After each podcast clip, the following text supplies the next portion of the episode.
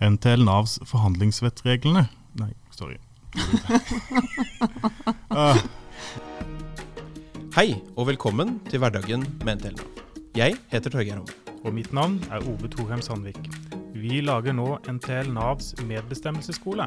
For å gi deg en enkel innføring i det viktigste rundt medbestemmelse i Nav.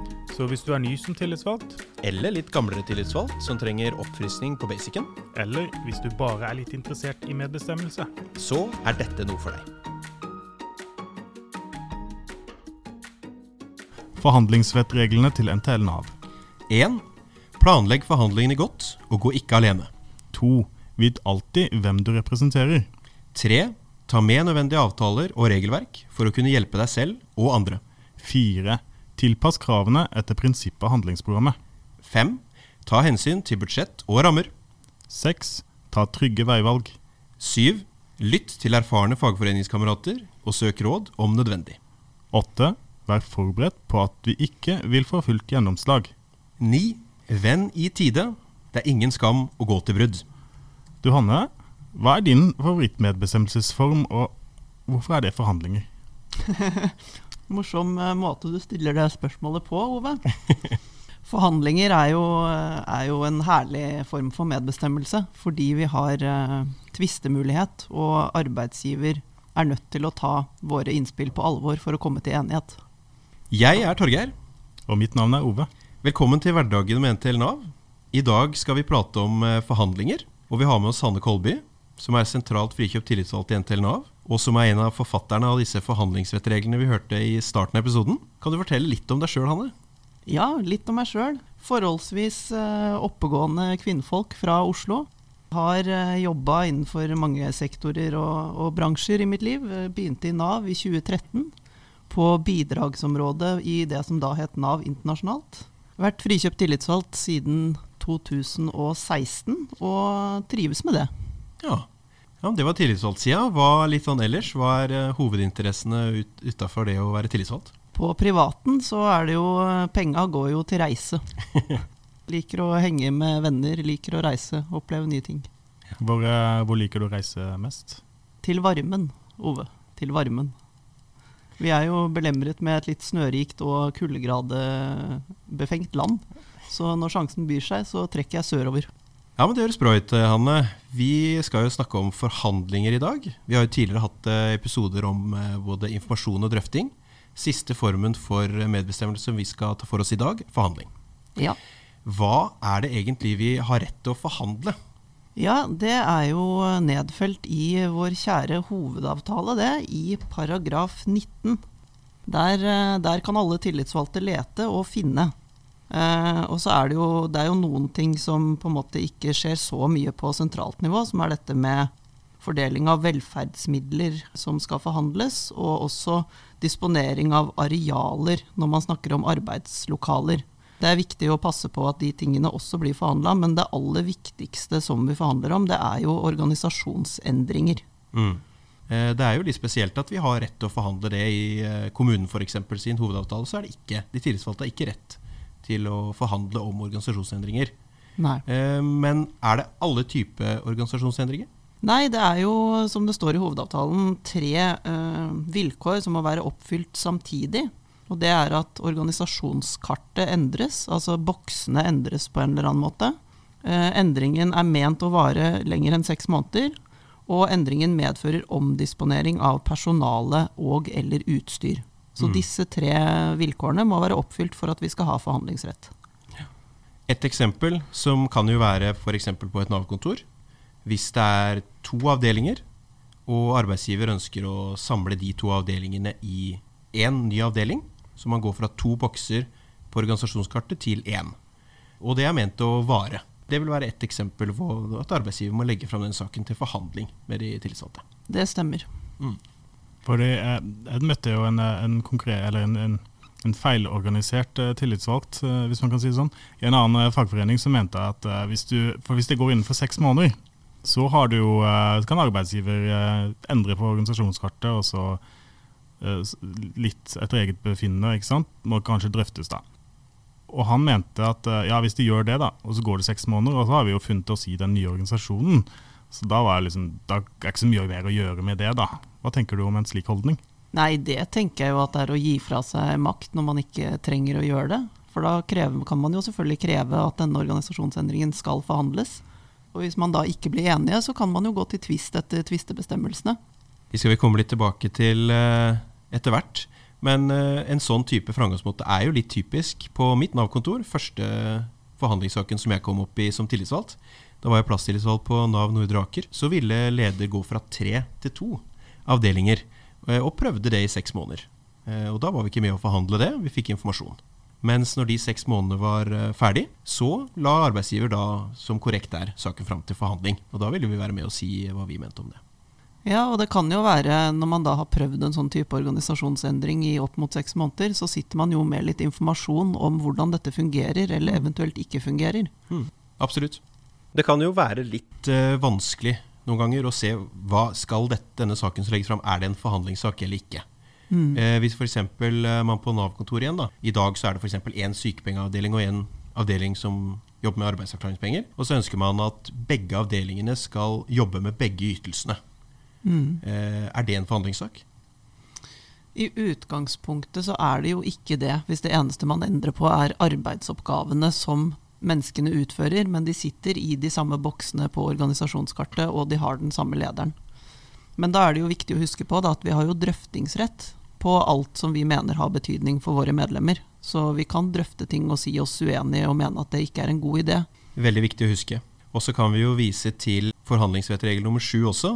Lytt til erfarne fagforeningskamerater og søk råd om nødvendig. Hvis du som tillitsvalgt befinner deg i en sånn situasjon, så går det an å spørre hovedtillitsvalgte, eller f.eks. Hanne eller noen andre i Landsforeningen. Ja, det er alltid et eh, godt råd. Ring en venn. Ring en venn. Det var litt om organisasjonsendringer, da. Eh, men det er jo noen andre ting også. Og i motsetning til drøfting, som vi var innom forrige gang, hvor det er en liste over hva som typisk kan drøftes, men den er ikke uttømmende. Eh, på forhandlinger så er det også en liste, men den er uttømmende. Det er den. Eh, hvilke av de andre tinga syns du det er eh, spesielt viktig å huske på av det vi har rett til å forhandle?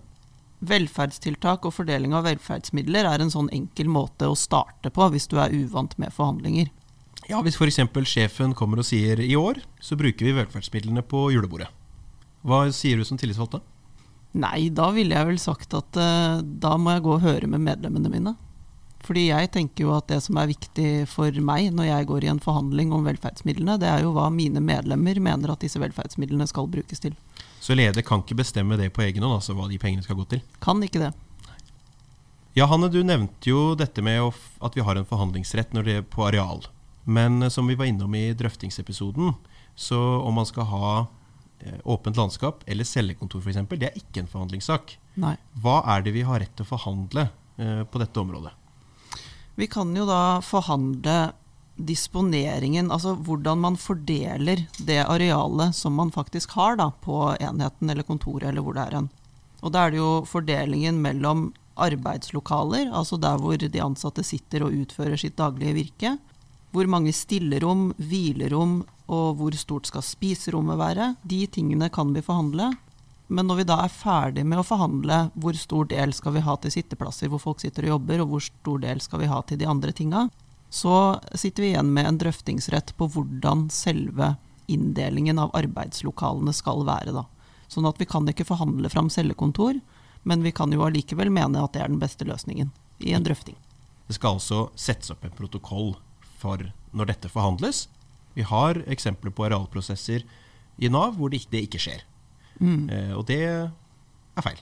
Alle forhandlinger skal jo føre til en protokoll.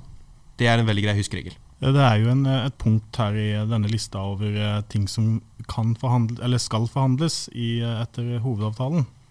Eh, Og det er jo opprettelse av ny stilling, bemanningsøkning. Kan du si litt om det? Ja, i utgangspunktet så skal man jo da forhandle opprettelse av ny stilling. Men eh, i stor grad i Nav så er jo fordelingen av pengene allerede gjort gjennom budsjettdrøftingene. Sånn at når man sitter der med budsjettet sitt, så ser man jo på en måte hvor mye penger man har å bruke og ikke. Og da blir jo den forhandlingsretten ikke så reell, egentlig. Burde vi bare droppe å drøfte budsjettet på den måten, og dermed få forhandlingene, eller er det litt vanskeligere, mer komplisert enn som så? Det er jo litt kom mer komplisert enn som så, vil jeg si. For budsjettet tar jo for seg en hel del andre ting også enn bare en eventuell bemanningsøkning eller ikke. Det er kanskje greit å se disse tinga i sammenheng i forbindelse med budsjettbehandling. Det er er det fordeler med det? Det er det. Ja, hvis det er noen som uh, syns det er litt rart at ikke vi nevner lønn, forhandling om lønn, så vil jeg bare si at det kommer i neste episode. Det tar vi en egen episode om. Så det skal vi ikke innom i dag. Det er eh, forhandling etter hovedavtalen vi snakker om nå. I tidligere episoder så har vi også snakka om likeverdige parter og hva det betyr. Mm. Eh, synes du at det er liksom under forhandlinger at vi er aller mest likeverdige, for å si det på den måten? Definitivt. Det vil jeg si. Jeg syns at uh, forhandlinger gir en helt annen setting, fordi da er arbeidsgiver klar over at de er nødt til å få alle organisasjonene med på laget for å få gjennom det de ønsker. Mens i drøftinger kan de si 'vi hører hva dere sier', og så gjør de noe helt annet. Uh, men jeg tenker at dette spørs jo også på hva slags arbeidsgiver man har lokalt. Noen steder er jo drøftinger bærer preg av å være forhandling, fordi arbeidsgiver er opptatt av at man skal komme til enighet. Mens andre steder er det helt motsatt. Mm. Vi er mest jevnbyrdig med arbeidsgiver i forhandlinger. Men vår verdighet, likeverdigheten, er den samme uansett om det er informasjon eller drøfting. For vår, vi har lik rett på informasjon. Altså vi har like, Likeverdigheten handler om at vi har den samme informasjonen. Drøfting, våre meninger om hvordan Nav organiserer etaten. Våre meninger er like ver mye verdt som arbeidsgivers, mens arbeidsgiver da sitter med eh, mer makt til å gjennomføre sin mening. Mens når vi kommer i forhandlinger, da er vi jevnbyrdige og likeverdige. Altså vår mening er den eh, like mye verdt som arbeidsgiver, og, men vi har makt til å stå bak kravene våre. Kanskje si det sånn da, at under forhandlinger så er vi mest likeverdige overalt, mens om vi er likeverdige, eller om vi føler oss likeverdige i uh, forbindelse med drøftinger. Det spørs veldig på arbeidsgiver, som du er inne på, Anne. At, uh, hvis arbeidsgiver på en måte er interessert i å finne løsninger felles, og lytter, venter på våre innspill før avgjørelsen tas, da kan det også gi en uh, følelse av likeverdighet. Mens hvis følelsen er at ja, bli ferdig å prate, vi har allerede bestemt oss, da er det vanskeligere å være likeverdige under drøftingene. Ja, og det er jo litt av det som, som, er poenget. fordi vi skal jo være likeverdige parter også i drøftinger og informasjon, som Ove er inne på. Mm. Men fordi vi ikke har noen maktmidler i de situasjonene, så er det litt opp til arbeidsgiver om vi blir behandla som likeverdige parter eller ikke i drøfting og informasjon. Det er et vesentlig poeng. Maktmidlene har vi i forbindelse med forhandlinger. Det har vi. Mm. Da har vi snakka litt om rammene for forhandling. Hva har vi rett til å forhandle? Hvilke saker? Men hvordan skal vi vite hva vi skal mene i forhandlingene? Det er vel ikke sånn at uh, eh, verken vi eller andre tillitsvalgte er utpekt av medbestemmelsesguden til å vite, vite hva, vi skal, eller, hva, vi skal, mene på vegne av medlemmene. Det må vi vel uh, finne ut av på en eller annen måte? Ja, det må vi. Uh, og det er jo altså det jo, finnes jo forskjellige typer forhandlingssaker, da, spesielt på organisasjonsendringer. ikke sant? Eh, hvis du, har, hvis du for eksempel, tar som et eksempel, så kan vi ta direktoratet, da. Som er et veldig stort område hvor det skal utøves medbestemmelse innenfor. Og de har en hel haug av ulike avdelinger som driver med veldig mye forskjellige og spesifikke ting. Så jeg tenker at uh, punkt én er å få informasjon om hva dette egentlig dreier seg om fra de folka som er berørt, for å være sikker på at du forstår hva det dreier seg om. Og for å vite hva man skal mene, så er det flere ting man må være oppmerksom på, tenker jeg. Det ene er at man er nødt til å forstå konsekvensene av de endringene som foreslås. Det andre er at man er nødt til å høre med medlemmene sine hva de mener. Og det tredje er at man er nødt til å se hen til prinsippet handlingsprogrammet f.eks. For, eksempel, for å se om det fins noe som vi alle sammen er bundet av i det, som kan ha betydning for hva man skal mene inn i en forhandling. Det er mange gode tips. Fokus må uansett være også på at vi representerer noen ja. i de forhandlingene. Vi er ikke der på eh, egne vegne. Det er vi ikke vi er nødt til å spørre eh, medlemmene hva de mener eh, om en sak. Og så er det det vi må ta med oss inn. Det stemmer. Og, her, og dette finner vi igjen i uh, forhandlingsvettreglene nummer to. Uh, vit alltid hvem du representerer. Involver medlemmer. Avhold medlemsmøter for å få innhold. Innsikt. Medlemsmøter, det har vi vært innom uh, noen episoder. Det er, det er, lurt, det. Det er veldig lurt. Da har du backinga i ryggen. De færreste tillitsvalgte i NTL Nav har vært mye i forhandlinger. Eh, så jeg lurer på, er det noen sånne regler for hvordan forhandlingsmøtet skal gjennomføres? Skrevne og uskrevne. Hvordan gjennomføres forhandlinger i Nav? Ja, jeg tenker at uh, man skal jo få sakspapirer ikke sant, til disse forhandlingssakene. Og i tilpasningsavtalen vår så står det at de skal komme en uke før. Når man får papirene, så må man jo sette seg ned og lese gjennom dem og se om man har fått all informasjonen man trenger. Um, og da kan jeg bruke et eksempel fra en organisasjonsendring som jeg nylig var litt involvert i. Hvor man skal gjøre en endring i uh, en avdeling hvor arbeidsgiver har laget et rolledokument. Og så mener de ut fra det rolledokumentet at de kan si hvor mange ansatte de trenger innenfor hver rolle. Denne informasjonen blir da lagt fram, men det legges ikke fram informasjon om hvor mange som jobber på denne avdelingen per i dag. Hmm. Da må man jo finne ut hvor mange er det, og hva er konsekvensen for de som ikke passer inn i dette nye kartet som arbeidsgiver foreslår. Og kutyme er jo også å snakke med folk før man går inn i forhandlingene. Du må snakke med medlemmene, og du må eventuelt snakke med andre tillitsvalgte og be om råd hvis du er usikker på noe. Så vi går alltid godt forberedt i forhandlinger, og vi går aldri alene. Man går aldri alene. Det var en ny forhandlingsrettregel. Kanskje noen blir liksom eh, litt prega av eh, stundens alvor. Oi, det er forhandling. Ja. Da er det sikkert ikke lov å ta pauser, eller det er sikkert ikke lov å eh, Vi må vel signere her og nå. Hva hvis man er litt usikker på hva man skal gjøre når arbeidsgiver ønsker at protokollen skal signeres. Er det lov å tenke seg om? Det er det definitivt, og det er jo en av de tingene som uh, tillitsvalgte må øve på, tenker jeg. da. Det er å stå i ubehag. Og det er ikke noe problem å ta pause underveis i forhandlinger. Arbeidsgiver er jo avhengig av en signatur fra oss for å få gjort det de ønsker. Uh, da kan man ringe en venn, og man kan også be om at forhandlingene gjenopptas i neste møte hvis man ikke føler seg klar for å signere. Selvfølgelig kan det være helt eh, legitime grunner til at man ønsker å bli ferdig med en forhandling. Men eh, man skal aldri la seg rushe allikevel. Det er også legitimt at vi trenger tid for å kunne være sikre på at vi står inne for den avgjørelsen. Ja, det er viktig. Eh, og Da går det an å be om pause i forhandlingene. Og Det går an å da ringe både nedover og oppover, for å si det sånn. Det går an å ringe noen i Landsforeningen om råd. Det går an å også ringe kanskje noen av de medlemmene det gjelder, for mm. å spørre om ting, avklaringer osv. Så, så Så det er viktig å vite om at den muligheten har man. Ja. Og det er fort gjort når man sitter i forhandlinger og det kommer på en måte nye tilbud over bordet, eller ting er litt endret i forhold til arbeidsgivers opprinnelige standpunkt, så er det fort gjort å signere på noe som man ikke vet konsekvensen av. Så det er lurt å ha litt is i magen, sånn at man ikke signerer på noe litt for fort. Der er du inne på noe veldig viktig også, og det kan vi si med en gang. Ikke signer på noe du ikke kjenner konsekvensen av. Protokollen etter forhandlinger signeres ofte i møte av den som har vært i møtet.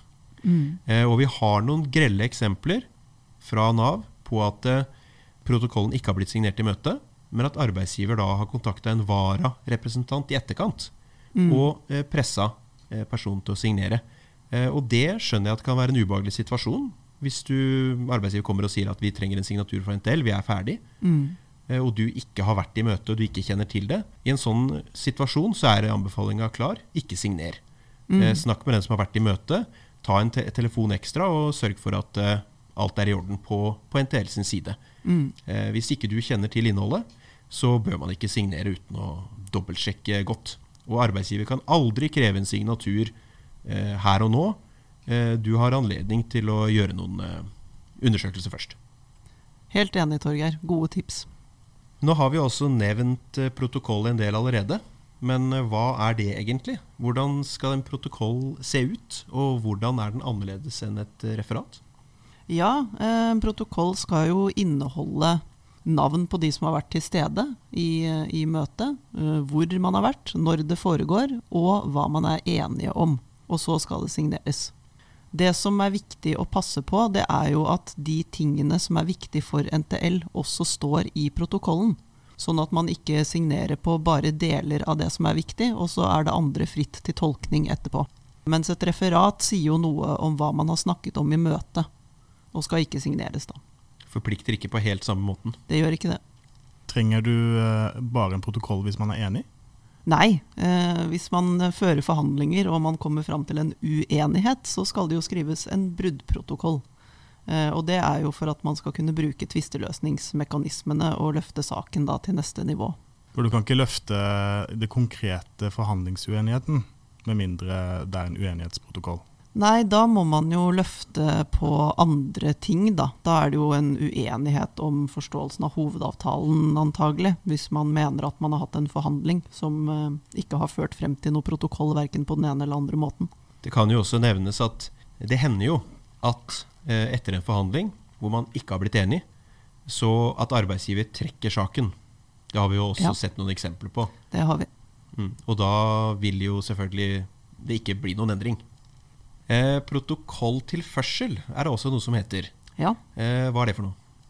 Det er jo alle partene i en forhandling sin mulighet til å komme med noe som skal stå eh, sammen med protokollen, som en tilførsel, som det jo heter. Det er en ensidig form for tekst, hvor alle parter kan bestemme selv hva slags type tilførsel de ønsker å ha til en protokoll, men den sier ingenting om hva man er enige om. Sånn at forhandlingsresultatet blir jo ikke påvirket av en protokolltilførsel. Hver part har lov til å komme med en protokolltilførsel, men hvilken verdi har denne tilførselen? Kan den påvirke noe utover å være den ene eller den andre sidens eh, mening? Jeg mener at protokolltilførsler har en begrenset verdi. Man kan prøve å bruke protokolltilførsler i etterkant til å si noe om hva den felles forståelsen i dette forhandlingsmøtet var. Men formelt sett så er det kun det som alle parter har signert på, som er det man er enige om, og protokolltilførsler er på en måte Det er å hilse hjem til sine folk, da. Men hva hvis eh, vi kom med en protokolltilførsel som arbeidsgiver ikke syns noe om, da? Må vi ta den ut da, eller? Nei, vi kan kreve inn de protokolltilførslene vi ønsker. Tvist, det har vi vært så vidt innom også. Hvis vi ikke blir enige i forhandlingene med arbeidsgiver, og vi setter opp en uenighetsprotokoll, hva er det som skal skje da? For det er jo dessverre ikke sånn at hvis arbeidsgiver kommer med et forslag til endring, og vi sier nei, så blir det nei, og saken stopper der. Sånn er det dessverre ikke. Nei. Hvis vi ikke har blitt enige i løpet av forhandlingene, og eh, har satt opp en uenighetsprotokoll, hva skjer med saken da? Vi har jo en egen paragraf for hvordan en tvisteløsning i en forhandlingssak skal foregå, som er paragraf 24 i hovedavtalen. Og da skal det megles hvis det ikke er mulig å komme til enighet. Ja, Er det Riksmegleren som kommer inn, eller? Megling foretas av topplederen eller en annen fra ledelsen i virksomheten, Ja. kan vi lese. Ja, Med mindre det er i sentralt MBA uenigheten skjer, f.eks., hvor da Ja. topplederen er en del av forhandlingen. Da foretas meglingen av en representant fra fagdepartementet. Man har skrevet under på en uenighetsprotokoll lokalt. Saken tvistes opp nivå, og man skal eh, gjennomføre en megling. Hva skjer i meglingen? Da vil jo alle sider av saken gjennomgås på nytt, tenker jeg. Så det blir som en slags reforhandling, da, selv om det kalles megling i paragrafen om, om tvisteløsning. Og så kan man jo komme til enighet, eller ikke komme til enighet der også. Det er jo sånn at uh, denne meglingen, uh, hvis man ikke kommer til enighet, så kan den avgjøres av en partssammensatt nemnd, eller av fagdepartementet, som er siste instans i forhandlingssaker. Det er jo ikke så ofte vi kommer i nemnd, men den er altså satt sammen av parter både for arbeidsgiver og arbeidstaker. Så hvis man kommer i en tvistesituasjon, så er jo rådet ring en venn. Det er ikke så ofte at tillitsvalgte i Nav tvister i forhandlinger, eh, så det kan være lurt å snakke med nivået over, eventuelt Landsforeninga, for å få gode råd. En forhandling krever ikke bare en protokoll, den må jo krever også en strategi. Det har, gjør den. har vi noen gode tips til eh, uerfarne plasstillitsvalgte om hvordan man skal gå inn i en forhandling? Vi var jo litt eh, inne på det i stad, og det er å være godt forberedt og være sikker på at all informasjonen du trenger for å kunne ta et standpunkt i saken, er lagt fram av arbeidsgiver. Hvis ikke all informasjon du trenger er lagt fram, så må du jo etterspørre det. Og så må du snakke med de folka som berøres av endringen, og høre hva de tenker, hva de mener.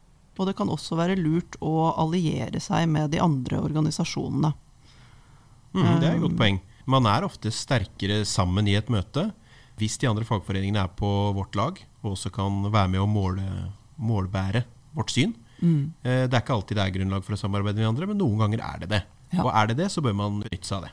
Definitivt. For det er jo et poeng som vi kanskje burde tatt opp tidligere, at en enighet krever faktisk enighet blant alle partene.